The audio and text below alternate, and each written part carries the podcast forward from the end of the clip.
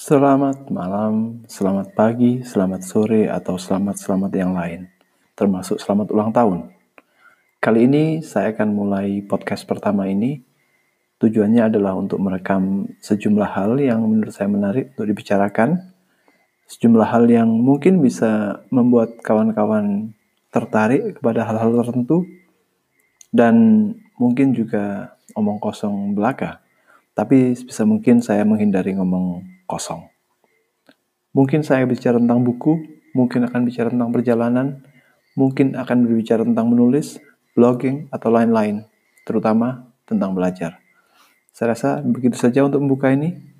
Semoga selanjutnya akan ada hal menarik yang bisa kita bicarakan. Bye.